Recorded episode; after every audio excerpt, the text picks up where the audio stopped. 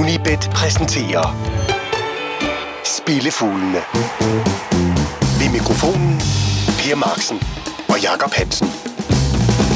Velkommen til Spillefuglene, der vender tilbage efter en omgang vinterferie. I hvert fald til den ene af os. Og det er ham, der sidder... Uh, uh, uh. Ja, det er ham, der sidder over for mig. Vil du, vil du, øh, vil du tale om noget, herr Hansen? Tal om Liverpool. Det kan vi da godt. Det går jo meget godt, så det kan vi da sagt. Vil du? Ikke, ikke, ikke, ikke specielt, men altså, det, Nå, det var sådan et andet spørgsmål, i stedet for at høre, hvad du havde lavet i din vinterferie. Du har selvfølgelig svælget i, øh, i øh, Liverpools succes. Helt klart. Absolut. Det var det, var det primære i for, for hele vinterferien at se Liverpool West Ham.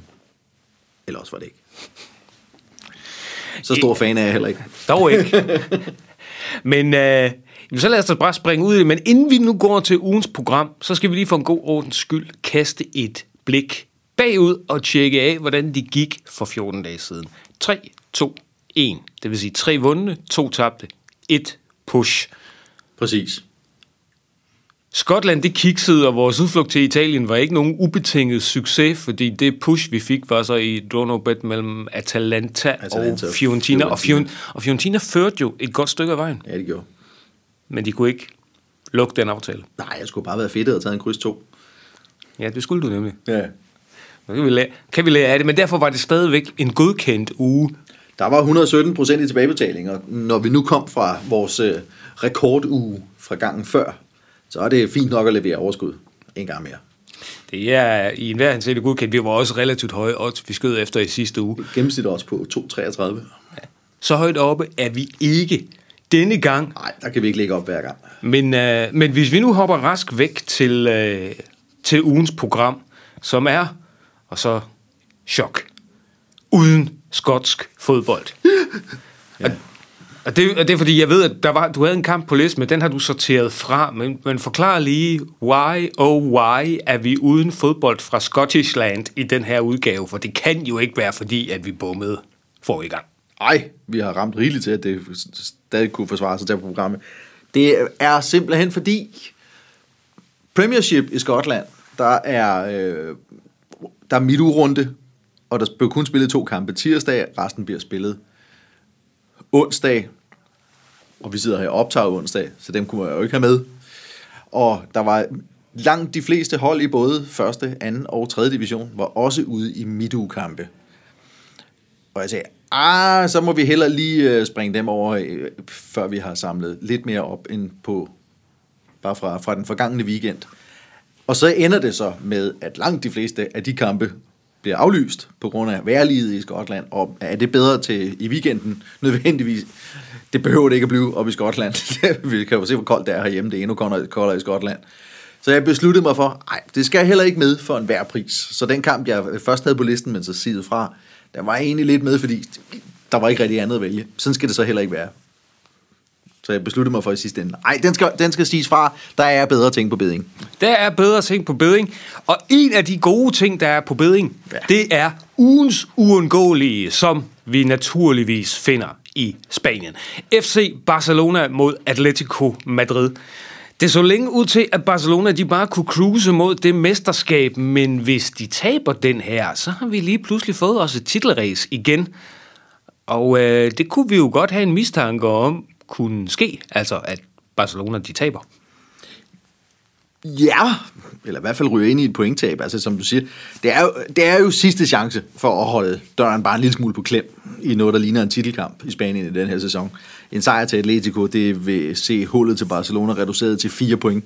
Og det er trods alt mere opnåeligt end de nuværende syv, som på papiret jo virker som et yderst sikkert forspring for, for Barcelona. Og skal nogen kunne tro Barcelona, så må det næsten være Atletico i deres nuværende forfatning. De er i kanonform med syv sejre af træk. De spiller rigtig, rigtig godt. De scorer rigtig, rigtig meget. I søndags pulveriserede de fuldstændig Sevilla på udebane. Og Sevilla har altså kun tabt én hjemmekamp i et år. Og Atletico fører 5-0, inden de lader Sevilla lege en lille smule med at score to mål. Griezmann er i kanonform, og Costa, han er i sit vanlige, både krigeriske og målscorende jeg, humør.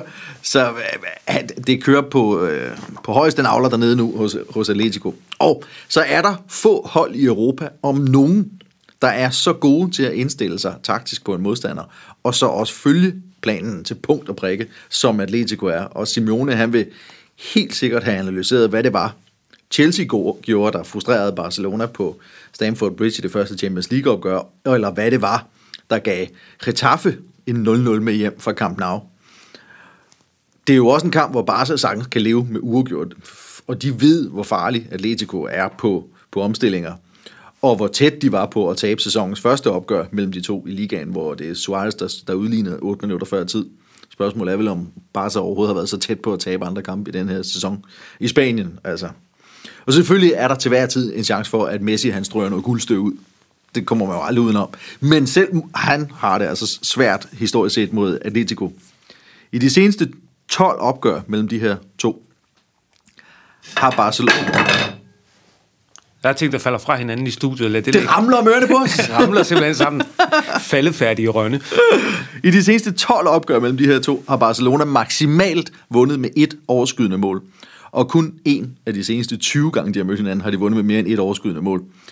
Atletico er sluppet fra Camp Nou med uafgjort i fem af de seneste ni besøg. Der er ikke mange, der kan fremvise en så forholdsvis regelmæssig evne til at høste point på Camp Nou. Udover Barcelona selv, selvfølgelig. Derfor, jeg spiller det, der hedder en Asian Handicap 0,75. Det vil sige, ender det uafgjort eller total, så får du odds 2 rent talestund. Vinder Barcelona med et mål, så får du halvdelen af indskud retur. Det synes jeg er et fremragende spil. Efter den forklaring, så, er jeg ikke, så kan man jo dårligt være andet end enig. Har du jo, nu øh, optager vi her onsdag, har du en formodning om kortlinjen? Er det en, der kommer til at ligge højt? Nu nævnte du selv, at Diego Costa var i sit krigeriske humør. øhm, nej. Kortlinjen, den, jeg vil næsten tro, at den kommer til at ligge på en 6,5. Kunne jeg forestille mig. Barcelona er jo ikke nogen engle. Nej, det er de nemlig ikke, når det, når det kommer til stykket. Nej, og i sådan en kamp, øh, Atletico kunne godt tænke sig at trække en-to af de professionelle frispark. De spiller normalt heller ikke specielt svinsk Atletico, men lige i kampe mod Real Madrid og Barcelona, der kan det nogle gange udarte sig. Så det, det, det er sådan en, der kan, der kan gå, gå alle veje. Det kan blive sådan en forholdsvis færre kamp med en 4-5 gule kort, så, eller det kan stikke fuldstændig af med 10. Jeg synes, det er svært at sige. Det var ikke en kamp, hvor jeg selv ville, øh, ville kaste mig over kortlinjen. Nej, ikke fordi altså, kortlinjerne kommer som regel op først et, et døgns tid eller to før, så ja. vi skal helst også vide, hvad for et prisleje det er, vi ligger ja, i. Også det. Om det, ja. kan, om det kan betale sig. Nå, øh, i hvert fald en kamp, der er værd at se frem til lørdag eftermiddag, hvor det spanske mesterskab måske kan blive afgjort, eller ikke. Ugens Asian hopper vi rask væk øh, videre til, og der skal vi nordpå. Vi skal til Østrig. Det skal vi nemlig. Vi skal se, øh, eller vi skal se, vi skal forholde os til kampen mellem Salzburg og Rapid Wien. Salzburg, hvis fulde navn er Football Club Red Bull Salzburg, men der er jo noget med det der sponsorat, som får, undskyld, nogen til at se rødt. ja. Sidst vi havde Rapid Wien på programmet, der gik det jo, der gik det jo fint. For de, for, de, ja. for de tabte, men den her gang, der skal vi have dem til at vinde. Ja, vi kan også godt leve med uafgjort, vil jeg sige. Vi spiller det, der hedder en Asian Handicap plus 1. Det vil sige kryds eller 2, så får vi også 1,78. Eller vinder Salzburg med et mål, så får vi indskud retur. Og som sagt, 1,78. Og det gør vi, fordi Sturm Græs, de formåede i efteråret at skabe en illusion om, at der skulle være titelkamp i Østrig i år. Men øh, oh, nu er roen genoprettet, og Salzburg har taget et, øh, et hul på 10 point ned til Græs andenpladsen efter 24 runder. Så ingen panik, heller ikke i år i Østrig. Rapid, de ligger nummer 4. De presses bagfra af Linz, men kan også nå såvel anden som tredjeplads, så de har masser på spil. Mens Salzburg, altså med den føring, kan tage det en lille smule mere gelinde, og det vil undre mig, hvis ikke de gjorde lige præcis det. De er nemlig videre i Europa League, efter en meget flot triumf mod Real Sociedad. Er altså rimelig stærkt at smide et spansk hold ud og måske et lille øh, mentalt europæisk indbrud for de ellers ofte så underpræsterende østrigere. Nu venter Dortmund i en udkamp på torsdag. Og, og ja, de, der venter nemlig Dortmund, og jeg vil sige, vi var nok mange, som om ikke andet så for, øh, for sjov skyld havde håbet på, at Salzburg havde trukket klubben i Leipzig, om ikke andet så bare for at få se UEFA gå i panik. Ja, Nemlig. det kunne have været højst underholdende. Nej, vi kan godt regne med, at den kamp øh, på torsdag mod Dortmund, den betyder mere end død og kridte og skulle slå øh, Rapid Wien på søndag, når de nu har så lunt forspring i ligaen.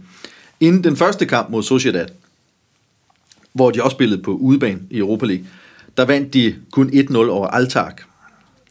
Og som sagt, så vinder, vinder de her, så satser jeg på, at det bliver et lignende besked, en, en lignende beskeden sejr. De seneste otte indbyrdes opgør har Salzburg højst vundet med et overskydende mål over Rapid. Og Rapid fik i september 2-2 i deres første besøg i den her sæson hos Salzburg. I en kamp, hvor de endda nappede føringen to gange, selvom de spillede med 10 mand allerede fra 16. minut. Og, ikke mindst, det var også en kamp dengang, der lå forud for en runde i Europa League. Jeg tror ikke på, at Salzburg de ruller sig fuldstændig ud på søndag. Well spoken. I øvrigt, uh, Salzburg er altså en sjov klub af mange forskellige årsager. Det er faktisk en klub, hvor uh, Ricardo Muniz, I ved ham, uh, den skøre hollænder i Randers, han, han gjorde dem til dobbeltvinder i 2012. Uh, Roger Schmidt fra uh, Leverkusen, eller ex-Leverkusen-træner, han har også været træner der. Og lige nu der er det tyskeren Marco Rose, der er, der er chef. Og uh, hvis jeg lige skal sådan garnere med sådan et, et, et, et fun fact med hensyn til trænere, så uh, har Salzburg nemlig tradition for kendte trænere. De sidder bare sjældent sådan umådelig lang tid på posten. Nej, det er rigtigt. Jeg kan, hvis vi går tilbage til, til årtusindskiftet, Hans Bakke har været træner fra 2001, eller 2000 til 2001, efterfulgt af Lars Søndergaard, efterfulgt af Kurt Jara, øh, østrisk landsholdslegende.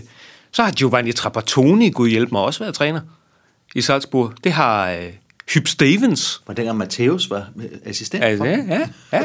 Hyb Stevens har været, har været træner her, og som sagt, øh, Ricardo Muniz og Roger Schmidt. Og her sådan på, inden for de sidste par år, der, der har der været sådan en rimelig stor udskiftning i, uh, i trænerensemblet. Men uh, de, de, de, samler, de samler på kendte trænernavne. Der, lad os se, hvad, hvad ham her Marco Rose fordi... Og, og med far for at lyde en lille smule overlegen, er det ikke sådan lidt som at være i spidsen for Celtic i Skotland? Skal man ikke være en ekstraordinært ringetræner for ikke at blive dobbeltvinder? Det tror jeg ikke, at de der energidrikfabrikanter, de, øh, de, de skulle høre dig sige. Nej, det kan godt være. Jeg synes, det er en, Så det sagde vi ikke. det sagde vi ikke. Det, den slags det postulat. bliver mellem dig og mig. Ja.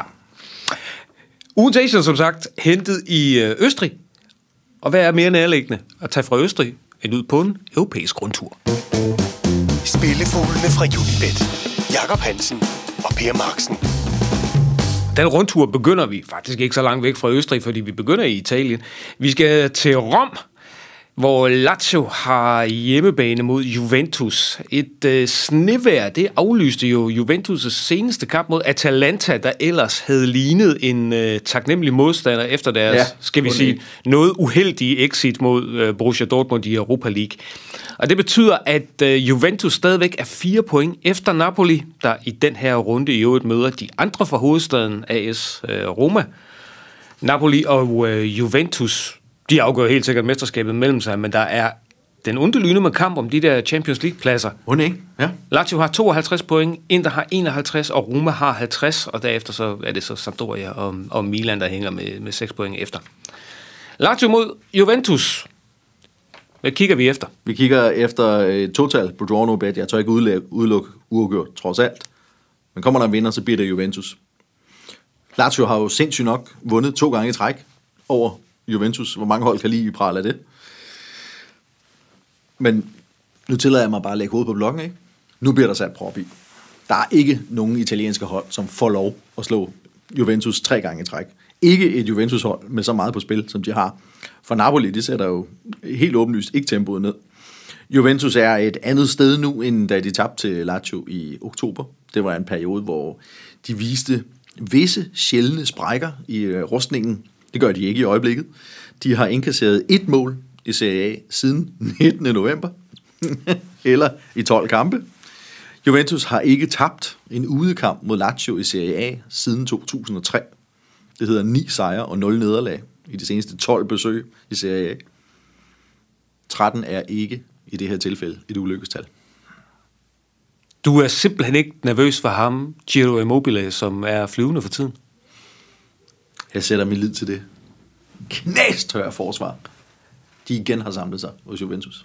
Fordi det der knastørre forsvar, hvis de også skal gøre sig håb om noget i Champions League, så skal det der knastørre forsvar, den onde lyne med stå, når de tager til Wembley. Må ikke? Altså et øh, okay betalt John Obet total fra Serie A. Og nu er, det her, 56 fik jeg det med. nu er det her ikke så meget en rundtur, som mere en, øh, en øh, syd mod nord tur, fordi øh, vi stikker snuden øh, nordpå mod øh, Schwarzwald, Det er også rigtigt, ja. hvor modsætningerne de mødes, for nu at sige det mildt, når SC Freiburg har hjemmebane Ja. mod Bayern München, i jo et møde mellem øh, to af mine personlige yndlingstrænere, Christian Streich og Jupp Heynckes. Absolut. Og vi satser på, at øh, Bayern München holder et eventuelt måltal på højst 2. Scorer de 0, 1 eller 2 gange, så får vi odds 1,66. Strålende vedmål. For Freiburg, de har nemlig et bum stærk forsvar på hjemmebane, hvor de kun har lukket 7 mål ind i 12 kampe. Det er faktisk to mål færre, end Bayern München har indkasseret på deres hjemmebane i München. Ja, i deres seneste 16 hjemmekampe i Bundesligaen har de kun én gang indkasseret mere end et mål. Det var 1. oktober, da de vandt 3-2 over Hoffenheim. De har holdt målmaskiner som både Leverkusen og Dortmund til 0 på hjemmebane i den her sæson. Og derfor skulle det være mærkeligt, at Bayern lige præcis den her gang skulle lykkes med at score mere end to gange. De har nemlig ikke scoret mere end højst to mål i en ligakamp i Brejsgrav i deres seneste otte forsøg, eller siden 2003. Og som Freiburgs forsvar står lige nu, så er der god grund til at tro på, at den stime kan fortsætte. 1,66 på, at øh, Bayern holder sig under tre mål.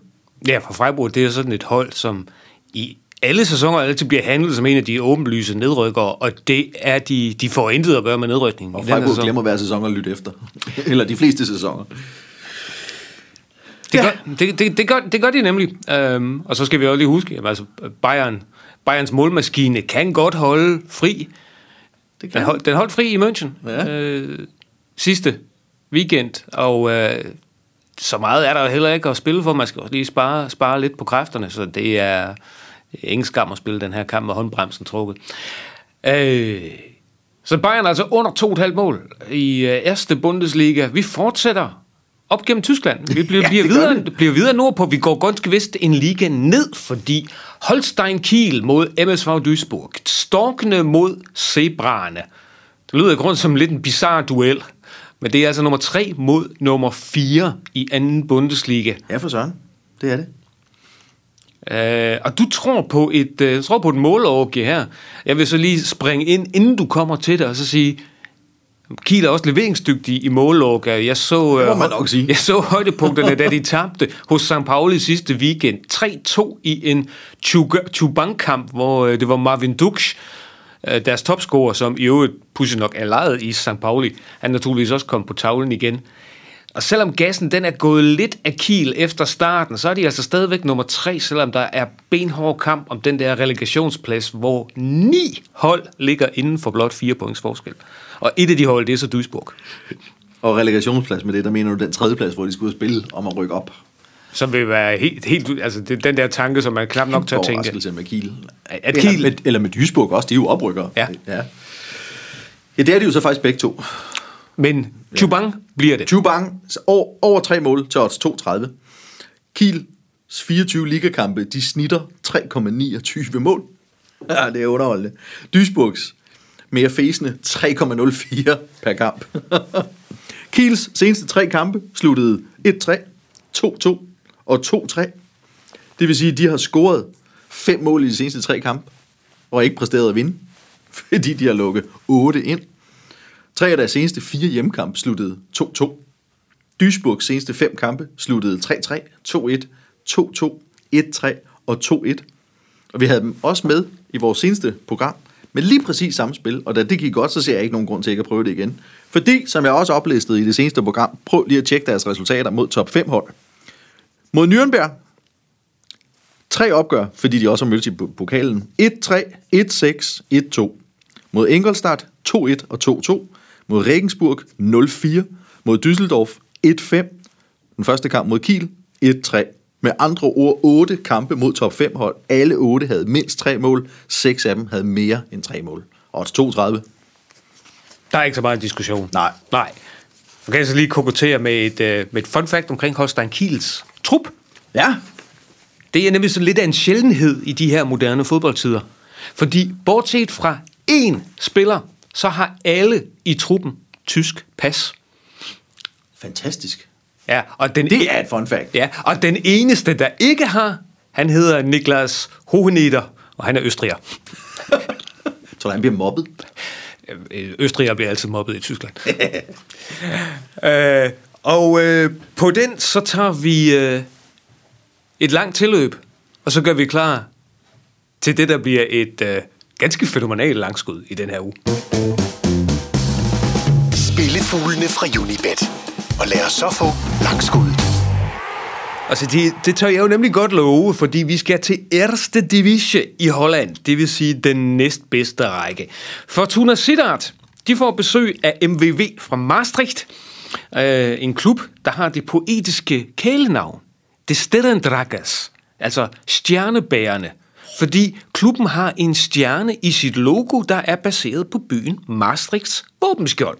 Så fik vi også lige snedet lidt her. Heraldik ind i programmet, ikke? Nå, hjemmeholdet, de øh, trænes lige nu midlertidigt. Ikke af Claudio Bravo, men af Claudio Braga. Claudio Braga? Som, fordi Sunday Oliseh, han blev øh, fyret. Ham kan de fleste sikkert huske, som en øh, strålende midtbane. De af os, der er gamle nok, kan i hvert fald huske en, en fremragende midtbanegeneral for Nigerias landshold og diverse europæiske klubber. Sunday Oliseh, som i øvrigt har, han har mange brødre. En af hans brødre hedder Churchill. Men uh, Sunday, han blev altså her den 14. februar sparket på porten. Uh, hvorfor han blev fyret, det har vist noget at gøre med klubbens tyrkiske ejer Üskün Gül. Men, herr Hansen, Ja. kom så med de fantastiske argumenter for, hvorfor det er værd at spille på lige præcis den her hollandske sekunderkamp. Vi skal spille på totallet, som lige nu giver odds 93. Og nu sagde du selv, det var den næstbedste hollandske række. Det er jo, det er jo den første for pottens vedkommende. Det er første gang, vi er i den næstbedste hollandske række. Og det kan godt vise sig, at jeg ligger helt skævt, men så er historien om ikke andet med for underholdningsværdien, og den kan man ikke pille ved med, med, med den her baggrundshistorie. Som du siger, Sunday Olesi, han var indtil for nylig træner i Fortuna Sittard. Han overtog klubben første hold i december 2016. Der lå de nummer 18 af 20 hold, og fik skuden på ret køl, og mellem november og januar i denne her sæson, der vandt de syv kampe i træk. De nåede også i løbet af den her, tidligere på den her sæson at vinde otte hjemmekampe i træk. Det var en ny klubrekord. Og alligevel, så skulle han så efter sine i starten af februar være dukket op til en træningsdag kommer ind i omklædningsrummet, og der sidder de andre spillere, og hans assistent, og fortæller ham, hvad, øh, hvad hvad der foregår. Hvad for noget, siger Sunday. Ja, aviserne skriver, at du er fyret. Det var der ikke nogen, der havde fortalt Sunday om, åbenbart. Senere på dagen, der melder klubben så ud, ej, han er ikke fyret alligevel, det er noget sludder, der står i aviserne. Nå, nå. Men 14. februar, der fik han så sparket. Og hvorfor fik han så sparket? Nu læser jeg op af et citat, som det Olesis selv har, har udtalt omkring sin fyring. Due to my refusal to participate in illegal actions at Fortuna Sittard and violate the law. Tak, Okay. for, tak for kaffe. Det lyder halvskummelt. Selv for en nigerianer. Selv for en nigerianer, så lyder det altså halvskummelt, og han, han kom også med en reference til Fortunas foreign owners. Og det er, som du siger, en, øh, til en tyrkisk entreprenør, der hedder Isitan Gün, som selvfølgelig blev rasende over Sonde Olisis øh, udmeldinger og truede med bål og brand og øh, legal action, som de kalder det. Øh, og avisen The Observer har forsøgt at få nogle øh, ord ud af Sonde Olesis, som var nødt til at, at, at, at sige for legal reasons, for, altså det kunne han ikke med tanke på øh, de øh, juridiske efterspil, der sandsynligvis kommer ovenpå både fyringer og, og udmeldinger og det hele. Det har selvfølgelig ikke på nogen måde gavnet klubbens resultater, og de er uden sejr i seks kampe, der har givet fire nederlag. Og her kommer det så. Det vilde er, at det betyder ikke en skid, Per. Fordi det er første division i Holland. Der har man et sært system, der dikterer, at oprykkerne til den bedste række, de findes i et playoff-spil, hvor til otte hold kvalificerer sig. Turneringen er inddelt i fire perioder af otte runder. Vinderen af hver runde er automatisk kvalificeret til det playoff-spil. Det vil sige, vinderen af første runde, først, de første otte kampe, den bedste, der, den der fører ligaen efter de første otte kampe, Det lyder som, et, det lyder som noget, der er endnu mere håbløst end det der danske landssystem. Jamen altså, kommer, det, det, vinderen af den kommer stensikkert til at spille med om playoff, om opryk, uanset hvordan det går i de resterende 24 kampe. Citart, de vandt det andet af de her runder, så de er sikre på at kæmpe med om oprykning, uanset om de så går yderligere 12 kampe uden sejr. Det betyder ikke et suk. Og her venter så et lokalopgør, som du siger, mod MVV Maastricht, der så kommer i god form med tre sejre i træk, og ikke uvæsentligt, to sejre i den her fjerde og sidste runde, hvor de jo så altså så har fået en god start, og kan kvalificere sig som vinder af den, til også at komme med i det der playoff-spil.